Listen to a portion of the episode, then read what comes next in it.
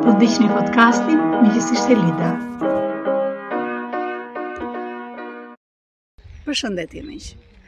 Sot po vij në serinë e suksesit dhe do dua të flas për rastin e një djali të suksesshëm, i cili vjen nga një familje që Pothuajse e ka shtruar të gjitha gjërat të gatshme në tavolinë. Dhe kur them këtë është që jam totalisht e sigurt që të gjithë ju bini dakord me mua që prindërit shqiptarë janë ata të cilët mundohen me çdo kusht, po me çdo kusht që fëmijëve të tyre t'u japin më të mirën. Deri në pikat e vetmohimit shpeshherë dhe flas vetmohimit financiar. Në rastin konkret, ajo që ka ndodhur me këtë djalë është familja vinte nga një shtresë që do ta quaja sot, ndër ato shtresa të cilët me punë të ndershme, ë kanë arritur të kenë shumë të ardhura dhe rrjedhimisht të kenë dhe një cilësi jetese shumë të mirë. Personi uh, u bë i dukshëm tek unë gjatë një klase masteri në një universitet, ku unë po jepja në lëndën e sipërmarrjes, po jepja përvojën time, shpeshherë duke iu referuar kryesisht vështirësive dhe kryesisht suksesit, në fund fare po dhe kryesisht ndjenjës së jashtëzakonshme që ka dikush kur arrin të bëjë diçka. Edhe pse e di që ka një hap tjetër më mbrapa që duhet të përpiqesh prapë të ecësh, por isha në këto ujëra dhe shikoja grimasat e një djali të ri, i cili të shikonte dhe të jepte më shumë përshtypjen pa folur, po me gjuhën e trupit që po po, po, po thua ti kollaj e ke ti, shumë kollaj e ke ti. Dhe në fund i them, ok, a ke diçka për të shtuar? Dhe sigurisht që tha këtë gjë që ia kish thënë trupi një gjysmë ore më përpara. Tha, shiko, duket shumë e lehtë kur e thoni ju, tha, sepse ti vetë vendos, vetë bën, vetë vendos. Edhe ishte një shprehje që përdori që ishte këtej nga pjesa e Korçës, ishte në unë do ta thosha tani të perifrazuar, por nuk e gjej dot çfarë është, por ishte fjala je vetë zot vetë shkop, diçka e këtij lloji. Po çfarë të bësh kur ti ke të bësh me ca njerëz që ti nuk vendos dot për për çfarë do bësh dhe si do eci biznesi. Ty të duan aty, të duan për gjithçka, por nuk të duan për që ti të marrësh përsipër gjëra dhe t'i bësh. Uh, konkretisht, ajo që po shikoja ishte një djalë i ri i cili donte të ecte, kishte mundësitë financiare të ecte, donte të krijonte diçka të re, por nuk kish krijuar besimin e duhur tek prindërit e tij, me qëllim që ta bënte, këtë gjë ta bënte sa më mirë. Ishte ky moment kur ne vendosëm të punonim bashkë. Dhe folëm bashkë dhe pas gati një vit e gjysëm ka ardhur tek unë dhe më ka thënë ok, mund të më ndihmosh sepse kam këtë nevojë.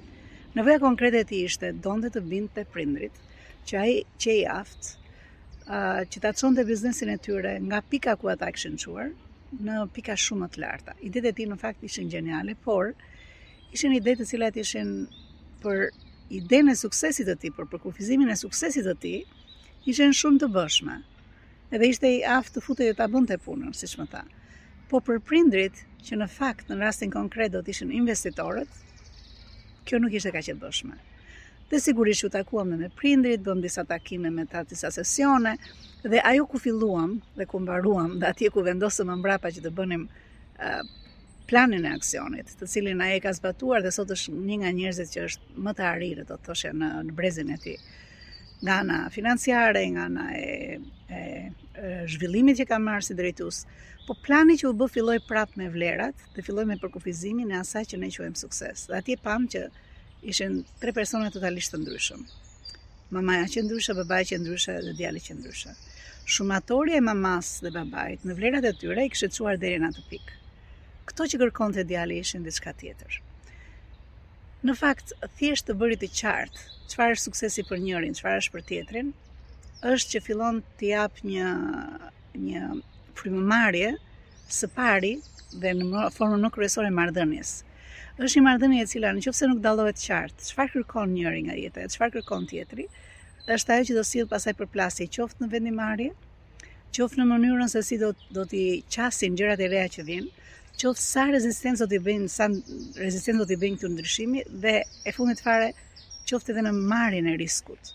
Dhe është pikërisht kjo ku ne qëndrojmë, secili prej nesh jemi shumë të veçantë në gjërat tona, jemi shumë unikë në gjërat tona, është pikërisht kjo ndarje miq, kjo ndarje e vlerave, duke konceptuar cilat vlera na takojnë secilit, çfarë ne kemi zgjedhur të bëjmë që na bën të jemi totalisht shumë unikë. Dhe prandaj dhe rruga që ne zgjedhim shpeshherë në në karrierën tonë është totalisht unike.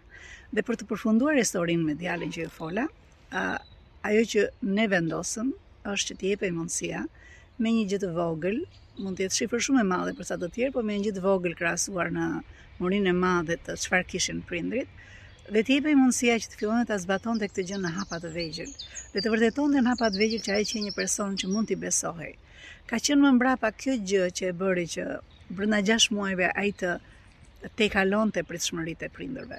Kuptohet prindërit sigurisht që duan që të ecin, po kur vjen puna për tek përdorimi i parave janë shumë të mençur, sepse ata e dinë si i kanë nxjerrë, ata e dinë si po i mbajnë. Kështu që ishte ishte realisht një përpjekje, ishte realisht një qasje, një përqasje e vlerave të çiftit dhe vlerave të djalit që të gjenin realisht se si donin të realizonin planin për zhvillimin e biznesit. Të përpunuarit e një plani të përbashkët, ku merren në konsideratë edhe njëra palë dhe pala tjetër, po sidomos vlera dhe çfarë kërkojnë perceptimi, përshtypja, ideja që ne kemi krijuar për suksesin tonë, që në fund të ditës sjell ruajtjen e marrëdhënieve.